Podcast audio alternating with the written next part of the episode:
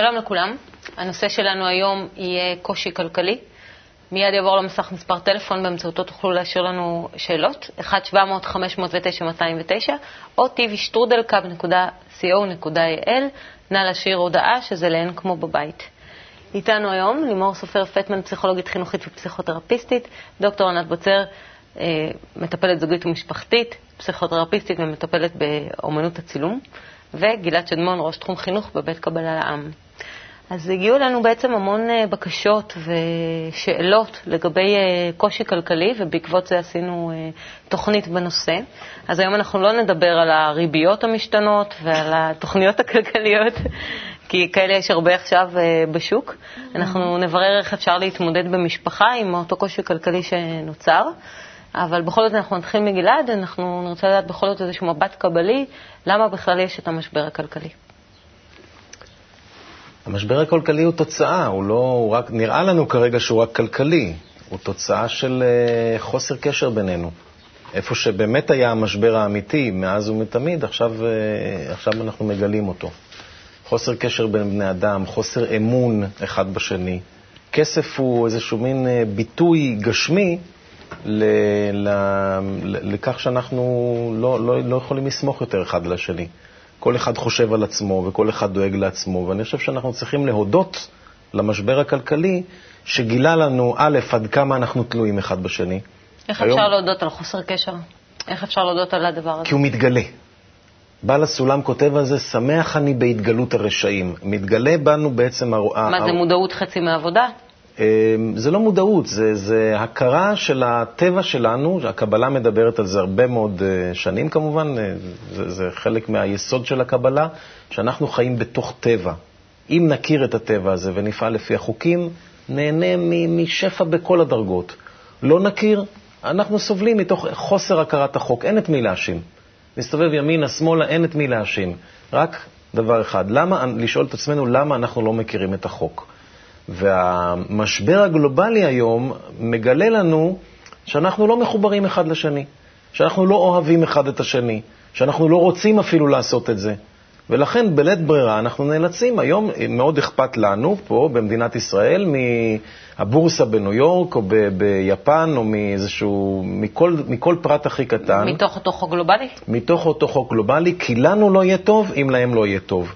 ועוד מעט יבינו את זה גם במדינות העשירות, שאם באפריקה לא יהיה טוב, גם להם לא יהיה טוב, ואם בסין לא. וככה כל העולם פשוט מבין היום עד כמה אנחנו תלויים אחד בשני.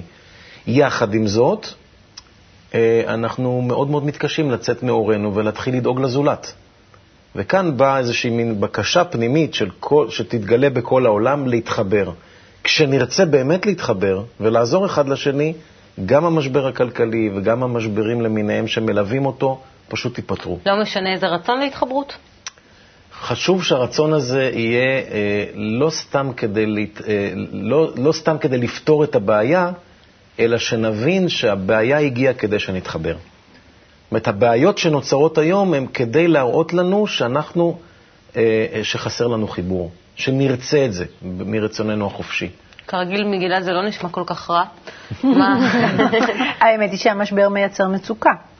ודאי. ומצוקה היא אחד המניעים הכי גדולים לאיזשהו שינוי, ואותן אמירות היום נשמעות גם מהכלכלנים.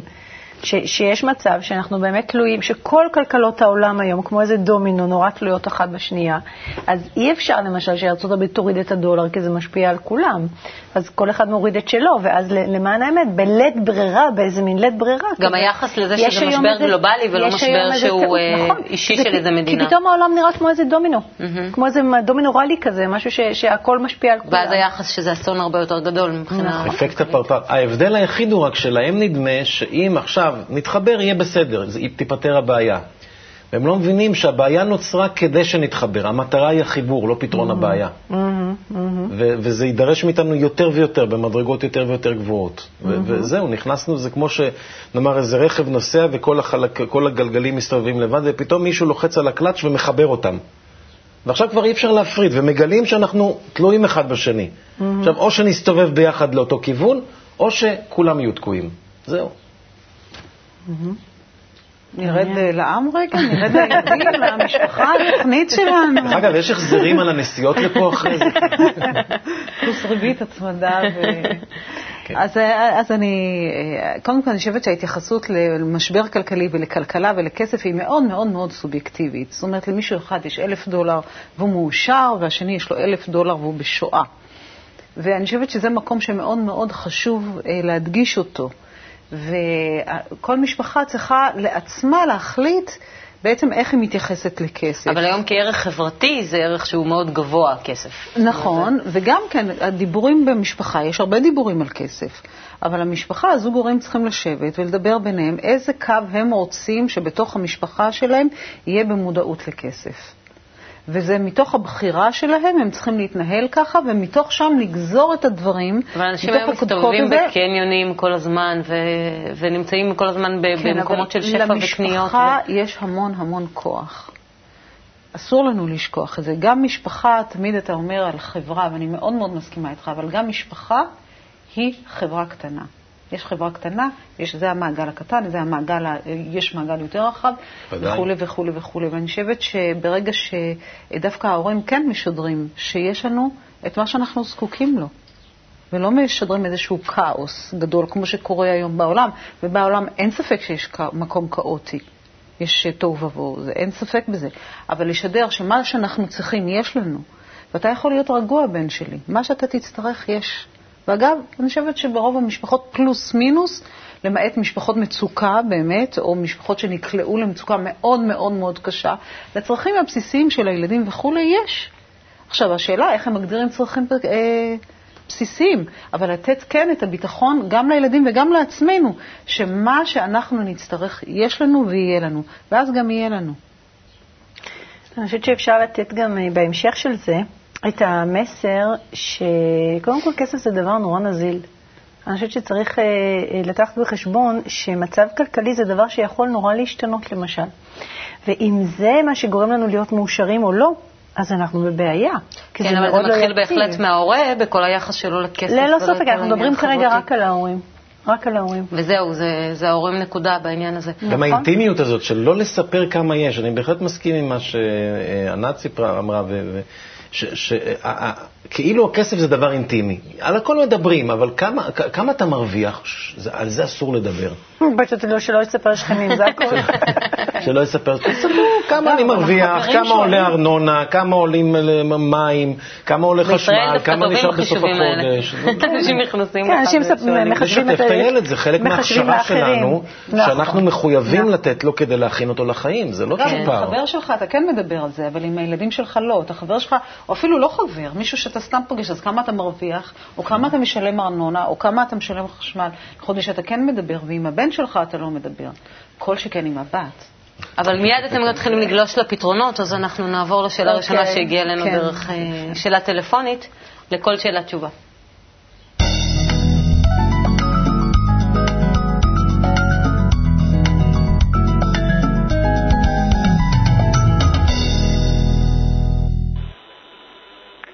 שלום, זאת שאלה לאין כמו בבית. שלום, אה, קוראים לי דלית, ויש לי, אה, יש לנו תאומות בנות עשר שהן ממש, אה, ממש אפשר לומר מפונקות. תמיד קיבלו מה שהן רוצות וממש אי אפשר להתווכח איתן. והאמת שכרגע בעלי לא עובד, ויש לנו קצת בעיה איך אפשר ללמד את הבנות מחדש להצטמצם. תודה רבה, יום טוב. כמו זה לא את שלחת, לא את שלחת את זה לא אני שלחתי, אבל הוא שאמרתי גם בעניין הזה, שיש פה שיעור נורא חשוב לחיים. היכולת להסתדר עם מה שיש לך, היכולת לתכנן, היכולת לחשוב אחרת, היכולת גם לא לשים על זה את הדגש היחידי בחיים, זה נורא חשוב. אם זה הדבר היחידי שיש לך, או אם זה הדבר שלפיו אתה מודד את עצמך, מה, מה יהיה? כאילו, וכשזה בא והולך זה דבר נורא לא יציב. אבל זה קטע חברתי, ככה החברה מודדת היום. נכון, ויחד עם זה זה קטע הורי, מה שנקרא, אה, להגיד, רגע, יש לנו גם אחד את השני. רגע, יש לנו עוד הרבה דברים בחיים. רגע, יש לנו כישרונות. רגע, אפשר לעשות כל מיני דברים. לא רק כמה יש לנו או אין לנו, אה, שווה לכמה אנחנו שווים או לא. זה דבר ראשון. דבר שני, זה שזה שיעור נורא חשוב לחיים ללמוד להסתדר עם פחות, ואין מה לעשות. אז שמים, אה, או, או במשחק של מונופול, שאנחנו, שמשחקים שם את הכסף עם הכסף, והוא אפילו נראה כמו כסף, או אה, עם הנושא של אוכל, זה נורא יפה לעשות את זה בארוחה. אתה שם את הצלחת של הפשטידה, שכולם נורא נורא אוהבים, ואז אתה מתחיל לחלק, ואז אתה מחלק חתיכות קטנות וחתיכות גדולות, ואתה רואה אם אנשים לוקחים קודם, או מחכים, או נותנים אחד לשני, ובאיזשהו שלב זה נגמר. והאם יש לנו מספיק, אכלנו מספיק או לא. היום אבל אנשים נמצאים באיזשהו חוסר... זה נותן לך דוגמה. אנשים נמצאים היום בסוג של חוסר ביטחון בעצמם, זאת אומרת איזשהו סוג של חוסר ודאות, וזה מה שהם מעבירים לילדים שלהם. מה המקור של הביטחון כהורה, לבוא ולהגיד, טוב, אז עכשיו אני מסתפק במה שיש, ובואו יש לנו אחד לשני. כי הדבר היחידי שאנחנו יכולים לעשות, ממש לא, הדבר היחידי שאנחנו יכולים לעשות... אבל זה היחס החברתי היום. כי את מדגישה את זה כרגע, את חוזרת על זה ואומרת את זה עוד פעם ועוד פעם ועוד פעם, אבל היחס החברתי הוא לא רק לכסף. אפשר גם, יש גאווה, יש השכלה, יש טוב לב, יש זה מה שאני קולטת מסביבי, משכנים, כן. ממטופלים, מאנשים. אבל לא ספק, אחד הבסיסים שאנחנו יושבים עליהם, אבל המשמעות של ללמוד להסתדר עם כסף זה ללמוד להסתדר עם משהו נורא משתנה. גם כשאתה מרוויח נורא יפה, אף אחד לא אמר שאתה תרוויח ככה הלאה. גם כשיש לך עכשיו הרבה כסף, לא אומר שזה יישאר. ככה שאם יש משהו שאנחנו צריכים ללמד את הילדים שלנו, זה עם הש... לעבוד עם השינוי. שלפעמים יש הרבה, לפעמים יש מעט. ופה הייתי רוצה להתייחס לשאלה שלה באמת. היא שאלה, שמעתי את הספק בתוך השאלה, יש לי ילדים עוד בנות עשר, איך אני, האם אני יכולה כבר בגיל כזה? ש... ודאי שאת יכולה לשנות בגיל כזה, אם לא בגיל כזה אז מתי? צריך נכון. להסביר להם, אני במקום, במקום האימא הזאת הייתי לוקח, מוציא את הארנק, שם על השולחן, מבקש גם מאשתי, תוציא את הארנק, פותחים את מה שיש, מראים להם, תראו, אנחנו מרוויחים, אימא מרוויחה, מרוויחה ככה, אבא מרוויח ככה, זה וזה יוצא על זה, זה וזה יוצא על זה, זה וזה יוצא על זה, מראה להם את כל הפריסה, מה נשאר. אם התוצאה היא שלילית, המשמעות היא שאנחנו או נצא יותר החוצה ונעבוד יותר קשה על חשבון זמן איתכם ועל כל, החשבון, מחיר, כל המחיר שנשלם על זה, או שאנחנו צריכים קצת להצטמצם, אולי קצת לקחת פחות סרטים מהווידאו, אולי קצת ל... ל לא יודע, בכל מיני צורות. אבל לקנות פחות צעצועים. וגם, ולהראות שגם אני מוכן לוותר על הבילויים שלי או על הדברים שאני מוציא עליהם. זה נורא חשוב. ובסך הכל, אנחנו משפחה, אנחנו, כמו שנאמר כאן, חברה קטנה אחת, ובתוך החברה הזאת יש... מה שנכנס, מה שיוצא, ולא ייתכן שמה שיוצא יהיה יותר ממה שנכנס. וכולנו נרוויח מזה. בתוך השאלה הזאת מסתתרות שתי מצוקות שנראות לי אה, בעיניי יותר קשות אפילו מהסיפור של הכסף. אחד, היא אומרת, הילדות מפונקות. האם הילדות רק מפונקות רק בגלל שקנינו להן את הכל? זה בעיה. זאת אומרת שיש לה גם פחד, כי היא חושבת שזה מה שהביא להן את האושר. נכון. ילדות מפונקות גם מעוד סיבות. ומה זה, רק הכסף הוא הציר לפינוק ולנתינה ולשפע וכולי? איזה יופי, רק רגע, שיש, איזה יופי שיש תקופה שיש פחות כסף בבית, ואפשר לפתוח את הסיפור הזה של הפינוק שהיא קוראת לו, שאני לא יודעת מה קורה שם בתוך הבית. הקול האופטימי של ענת. נכון, בהחלט. לא, אבל יכול להיות שבתוך הפינוק הזה יש שם דברים ממש לא נחמדים. כשאני אומרת לפתוח, אני מתכוונת לפתוח. לעומת שחברה לא אוהבת פינוק. הדבר השני ששם, וזה שהאבא לא עובד. הקטע שהיא מתארת האבא לא עובד, זה רק כאילו אין כסף בבית. אבל כשאבא מסתובב, בעיקר גבר, בבית, וכשהוא לא עובד, זה לא רק שאין כסף בבית. זה הדימוי העצמי של האבא, זה הבטלה של האבא, זה ה... אולי להפך הסטלבט שהוא אה, נמצא בו, אולי זה ההשמנה של האבא. אני לא יודעת מה קורה. גבר שלא עובד זה לא מקום נינוח, זה לא מקום קל. אה, כן, אז בתוך השאלות האלה, כאילו הכסף הוא איזושהי מטריה כזאת או מכסה שמכסה על הכל, אבל מתחת לזה צצות באמת הבעיות האמיתיות. בואו נעבור לשאלה הבאה, כדי שיהיה לנו זמן לענות על עוד שאלה נוספת. שאלה שהגיעה לנו דרך האתר. שלום, מדברת נטלי מאור עקיבא, יש לנו שני ילדים בני 6 ו-10. לאור המשבר העולמי, רציתי לשאול האם נכון לשתף את הילדים במה שקורה בדיוק, ועל איך בדיוק זה עלול להשפיע גם עלינו באופן אישי בבית, או שהם קטנים מדי לכך ודייה לצרה בשעתה. תודה. אני חושבת שזה דווקא יופי של הזדמנות לשתף במה שקצת אתה תיארת, גם להעביר את המסרים. את המסרים שחשוב לנו כהורים להעביר. כי אז זה גם אומר, לא שרק אנחנו בבעיה, אלא יש עכשיו בעיה לכולם. וזה אומר שצריך לשנס מותניים ולהתנהג אחרת, ואפשר להתנהג אחרת. זה סופר דוגמה אישית. אנחנו אף פעם לא יודעים מה יהיה לילדים שלנו, והאם הם לא יצטרכו להשתמש בכישורים האלה שאנחנו עכשיו מלמדים אותם. נורא חשוב לספר להם, להסביר להם, במילים שלא מלחיצות. מה זאת אומרת בכישורים שעכשיו אנחנו מלמדים אותם? היכולת להצטמצם, היכולת לוותר, היכולת לוותר לאחר, היכולת לקחת בחשבון את האחר, לחשוב עלינו כחברה, כמו שדיברתם, או לחשוב על עצמי אחרת, אה, אה, להתאפק. אלה כישורים מאוד חשובים לחיים. אז לבוא בהסבר ממקום כזה. כן, וגם להסביר קצת אחרת לגילאי 6 ו-10. צריך נורא חשוב, מה שנורא חשוב לזכור זה באמת לא להלחיץ אותם. זאת אומרת, לא לשים עליהם את האחריות. היה איזה יום שהצעירה שלי מבין הגדולות פשוט הביאה לי את הכסף כיס, אמרתי לה, מה קורה? כן. ואז היא אמרה לי, אני שמעתי שחסר לכם. אז הנה כל הכסף כיס שלי, ואולי זה יעזור. נלחצה. כן. כן, אני שמעתי על איזושהי ילדה שקיצרה את המקלחת שלה לשליש. כדי לחסוך מים. זה לחסוך במים. כן, השאלה כמה היא התקלחה לפני זה, מה האורך של המקלחת לפני זה, אם זה היה שעה וחצי, או וכולי וכולי, או שהיא מתקלחת עם מים קרים כדי לחסוך את החשמל למשפחה במים. אני מכיר הרבה ילדים שמוכנים לחסוך עד כדי פעם בשבוע להתקלח קצת, ממש, אני שופט. ולתרום למאמץ המדיני. אני חושב במקרה הזה של האישה, אני הייתי נזהר בלהראות את המשבר הגלובלי בכללותו, אה, אם אין פתרון לזה. כי לבוא ולתת מכה בלי נכון. התרופה שלה, זה קצת בעייתי. מפחיד. לבוא ולהגיד, תראו, כולם מפוטרים, עוד מעט יפטרו גם אותנו, ולא יהיה לנו מה לאכול בבית וזה, ועכשיו צריך לעשות, בואו נאגור כבר קופסאות שימורים פה, כי עוד מעט אנחנו... אה, אה, אה, להיזהר עם זה. כן הייתי ממליץ להורים ללמוד את הנושא. לפנות, באמת, יש לנו פה בערוץ ובאתר שלנו המון חומר על המשבר הגלובלי, ובעיקר על הפתרון. הפתרון למשבר, ואז לבוא אל הילדים ממקום של, יש לנו, בואו נראה לכם את התמונה ואת התרופה ביחד. וזה ייתן לילדים המון ביטחון, מכל שכן להורים. אז אתה מציע להורים ללמוד. אין, אין ספק. זאת, זאת עצה שאנחנו תמיד נותנים, אבל במקרה הזה, אם השאלה היא כן לדבר או לא, כן לדבר, אחרי שעשיתם אתם בעצמכם שיעורי בית. נכון. והכנתם את עצמכם. שתבינו באמת למה זה קורה, מה היא תסביר אם לא. למה זה קורה, לאן זה מוביל, ומה אפשר ללמוד מזה, ומה החיובי בזה.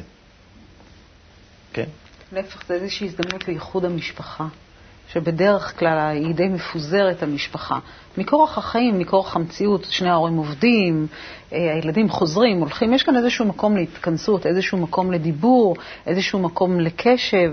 הילדים נדיבים פתאום. אה, גם לתחושה של איזה משימה משותפת. זאת אומרת שהם רוצים לשתף פעולה, לפי מה שאת אומרת. משותפת, כן. או להציג להם את זה כמשהו שדורש את השיתוף פעולה, וזו משימה שלנו, של כולם, שצריך את כולם. נכון, אבל להיזהר, לא להביא אותם לאיזשהו מקום שהם באמת יגיעו לאיזשהו מצב, שאיזשהו אה, מצב כלכלי מאוד מאוד קשה בבית, כי ילדים עם הראש שלהם ועם כל נכון. הסיפורים שהם קראו על הילד היתום ועם הסרט על בומביי, אה, מומבאי, על הנער חידות ממומבאי, הם יכולים לקחת את זה למקומות אה, לא, אין בעיה להכניס בן אדם לדיכאון מכל שכן ילד בנושא הזה. נכון. תראו לו את עיר האוהלים, תראו לו את זה, כמה מפוטרים וכמה...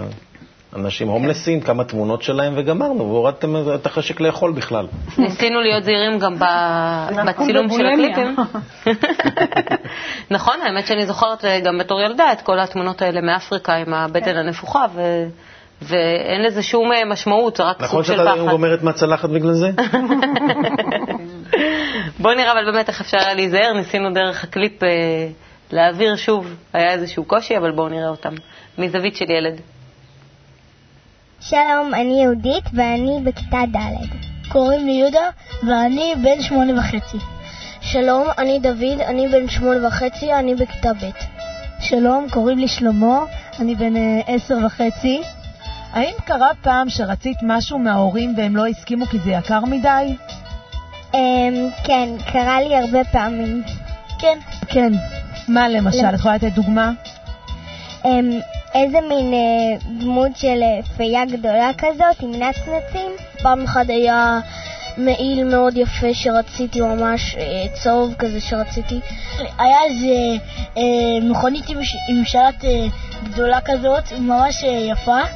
ו, ו, ורציתי אותה מאוד, וזה עלה אלף, אלף מאה שקל. ואמא ואבא שלי לא הסכימו, בגלל שזה, שזה כמעט כל, כל המשכורת שלהם. ובדיעבד אתה חושב שהם אה, עשו החלטה נכונה? אה, בערך.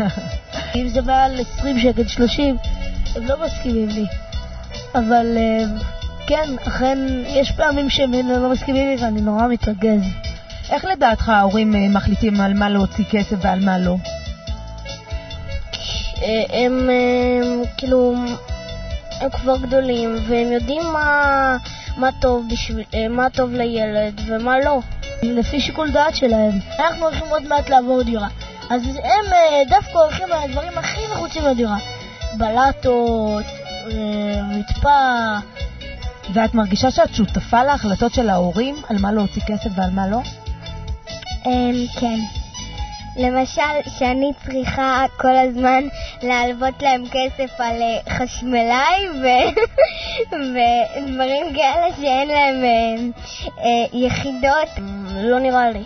לא, אני לא בדיוק מרגיש. האם את חושבת שילדים צריכים להיות שותפים בהחלטות על הוצאה, על הוצאה כספית? מסוימת לא. כזו או אחרת?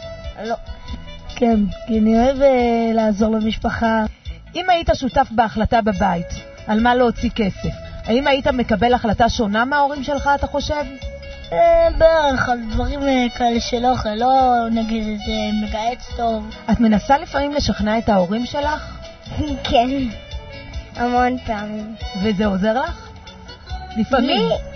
לא, זה לא ממש עוזר, רק אם אני עושה להם כזה פרצוף כזה או משהו שאני מצליחה לשכנע אותם, הם מסכימים לי. אבל לא תמיד. היית רוצה לנהל את הכספים אה, בעצמך? את ההוצאות? כן. כן? את חושבת שהיית עושה את זה יותר טוב מהם? לא.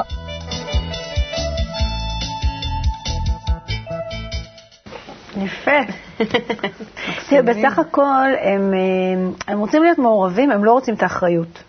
ואני חושבת שזה נורא חשוב. וזה שהם אמרו שהם כן. לא רוצים שישתפו אותם יותר מדי, אבל כן, זה ממקום לא, חוסר, שהם לא רוצים אחריות. הם לא רוצים את האחריות, ויפה שהם קלטו את זה, שבאמת יש... אני חושבת שההורים צריכים לזכור, אה, להעביר את המסר שאנחנו יודעים מה אנחנו עושים, ויש לנו איזה כיוון, אבל אפשר לשתף. אפשר לשתף, אפשר שיהיו מעורבים, אפשר לתת להם אפילו החלטות קטנות לגבי אה, איזשהו תקציב משחקים שיש לנו, ואז אה, איך אנחנו מחלקים אותו. כמה כל אחד יכול אה, להשתמש בו, האם אנחנו... גם באופן כללי אתם ממליצים על דמי כיס?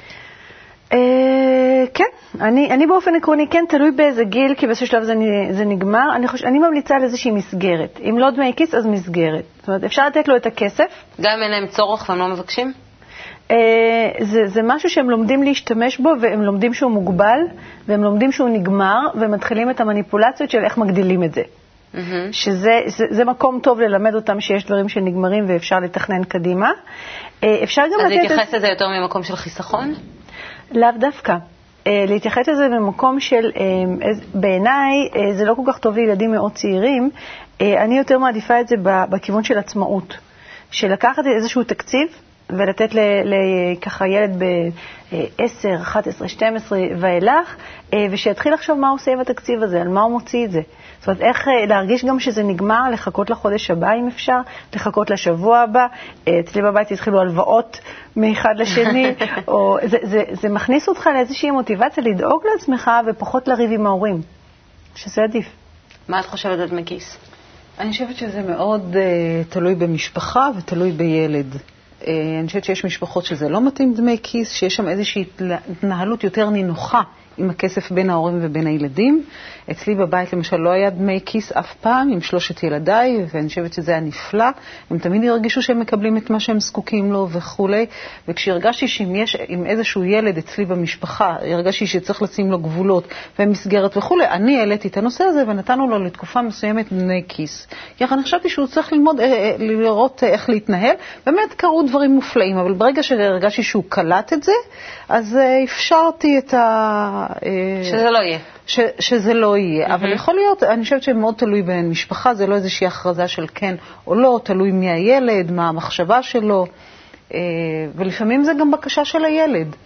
כן, וזה מה ששאלתי. כן, לפעמים הילדים מבקשים, אם הילדים מבקשים, להיענות לבקשה שלהם, ולראות מה קורה. אבל לראות אם זה לא יוצר תחמון יתר. זאת אומרת, זה הדמי כיס שלי, אבל את זה ואת זה ואת זה, ההורים... כמו שלימור אמרה. שהם מחפשים כן. רק איך להגדיל את זה, ואז זה בכלל מפספס כן, את העיקרון כן. שלו. בכלל, אני בעד יותר אה, על אמון בין הורים וילדים, ופחות... אה, אה, מאבקי כוח, פח, כן, שזה תוכנית כן, אחרת. או, או מסגרות או וכו'. כן. נעבור לפינת הטיפים, כי הגענו לסוף. פינת הטיפים.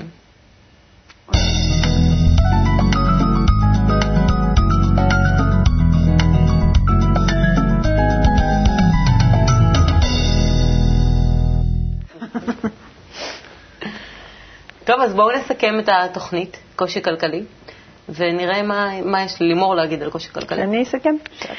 אמ, אני חושבת שקושי כלכלי יכול לתת לנו את ההזדמנות אה, לשתף ילדים בדרך שאנחנו מתמודדים עם קושי בכלל. להסביר להם עד כמה שהם יכולים בגילאים השונים. זאת אומרת, ממש ילד צעיר להסביר פחות, וילד יותר בוגר ככה יותר ויותר להסביר יותר, מתבגרים בכלל. לוקחים את זה כאיזה אקט של אה, כבוד אליהם, כשמסבירים להם לי עדיין יש קושי, מה קורה לנו. ממה שנשאר לי כאילו לא פטור ממה שדיברנו, זה הקטע שבעצם הפחד של ההורים עצמם.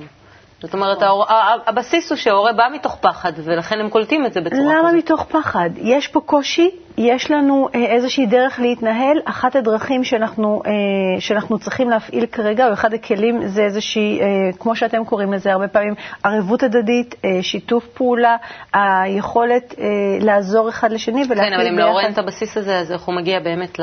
הוא חייב שיהיה לו את הבסיס הזה, כי הוא חייב לעבוד עם מה שיש לו. אם יש לו מעט, אז, אז הוא מתארגן עכשיו אחרת. עכשיו, אם הוא לא יסביר את זה... כמו שתגידי לבן אדם שמפחד, אתה חייב לא לפחד.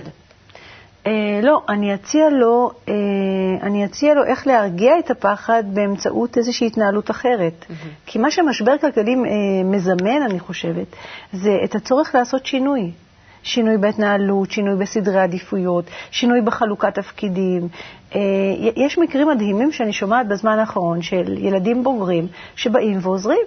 ש, שנותנים חלק מהמשכורת, ש, אה, שלוקחים עבודה קצת יותר ככה כדי לעזור להורים, שלפעמים חוזרים הביתה כי יש להם איזשהו קושי כלכלי, אבל תורמים לתוך המשפחה, כי מבינים שלכולם קשה עכשיו. זאת אומרת, אפשר להפוך את זה למשהו שעובדים עליו ביחד, ולא מתוך פחד, אלא מתוך הצורך לעזור אחד לשני ולפתור את זה ביחד. ענת. טיפ, אני בעד אה, שקיפות של המקום הכלכלי בפני הילדים, ואגב, לא רק את המשכורות, אלא להגיד לילדים ולהרגיע אותם, תשמעו, יש לנו קרנות השתלמות, יש קופות גמל, יש פנסיה, אם חס וחלילה קורה לאבא משהו והוא אה, נפצע, או לאימא משהו והיא נפצעה. ממש כישורי חיים, לשתף אותם בכל מה שקורה. ממש, יש לנו ביטוח חיים, אין לכם מה לדאוג, ואם חס וחלילה יקרה משהו, אנחנו יכולים גם להחליף מקצוע, ואם לא, אז גם סבא וסבתא, או יש לנו, יש לנו אל תדאגו. יש לנו גב כלכלי. לתת להם את הביטחון בתנאי שיש להם אותו. אבל אם זה, לתת איזושהי שקיפות, לשאול מה קורה, וזה מדהים, הילדים ידברו איתנו. אם אנחנו רק מוכנים להקשיב, הם ידברו איתנו. ואם אנחנו נסכים להקשיב, אז הם גם ילמדו איתה, אותנו. כי אני כבר אמרתי את זה, הם הרבה יותר חכמים מאיתנו. את זה אנחנו רואים כל הזמן. כן. אני חושב שמעבר ל... כל, כל דבר יהיה מובן ונסבל אם מבינים מה, למה ומה מרוויחים ממנו. גם המשבר הכלכלי לא בא סתם, הוא בא כדי לעזור לנו להתחבר יותר, להכיר יותר, לעשות את אותו שינוי מיוחל שלימור דיברה עליו, אה, לעשות את ה... להתקדם ולהתפתח. ו... אז נכון שאנחנו מרגישים את זה עכשיו בכיס, וכולם מרגישים את זה עכשיו בכיס. זה נועד לעזור לנו להתחבר יותר ולגדול דרך המשבר הזה, אז בואו נעשה את זה. עכשיו, בכלל, פעם היה, היה, לכל ילד היה תפקיד במשפחה. היה מאוד ברור מה התפקיד שלך, מה אתה עושה, במה אתה תורם, ומכאן גם מה אתה מקבל. ואני חושב שהגיע הזמן לחזור לזה, לתפקידים במשפחה, לקטן מה שהוא מסוגל, לגדול יותר. שחברת השפע בעצם הוציאה את התפקידים האלה. חברת השפע יצרה את, ה, את הילדים המפונקים האלה, ש, ששמענו פה בשאלות, הילד המפונק. למה צריך להיות ילד מפונק? ילד הוא, הוא בן אדם, הוא נשמה בדיוק כמו שלנו, מבחינה זו אנחנו שווים לח, לחלוטין, כולנו. למבוגר יש קצת יותר ניסיון.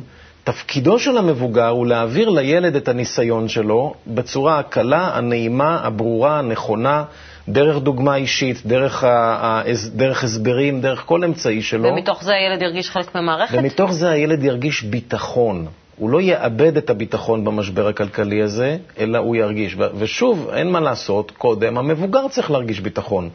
המבוגר צריך לעשות את החשבון הזה ולדעת באמת, הרבה אנשים לא עושים את החשבון הזה, שיש לי אפשרות כזאת ויש לי גם קופת גמל ויש לי זה, הם פשוט חושבים שאם הם יפתחו את קופת הגמל, בזה נגמרו החיים שלהם. יכול להיות שלא, יש מצבים שבהם צריך לפתוח אותה. כן, הגיע הזמן. אתם כל כך חיובים ואופטימיים, זה פשוט מדהים לדבר איתכם על המשבר הכלכלי. תודה רבה לכם. אני מקווה שגם אתם נרגעתם. נתראה בתוכנית הבאה להתראות.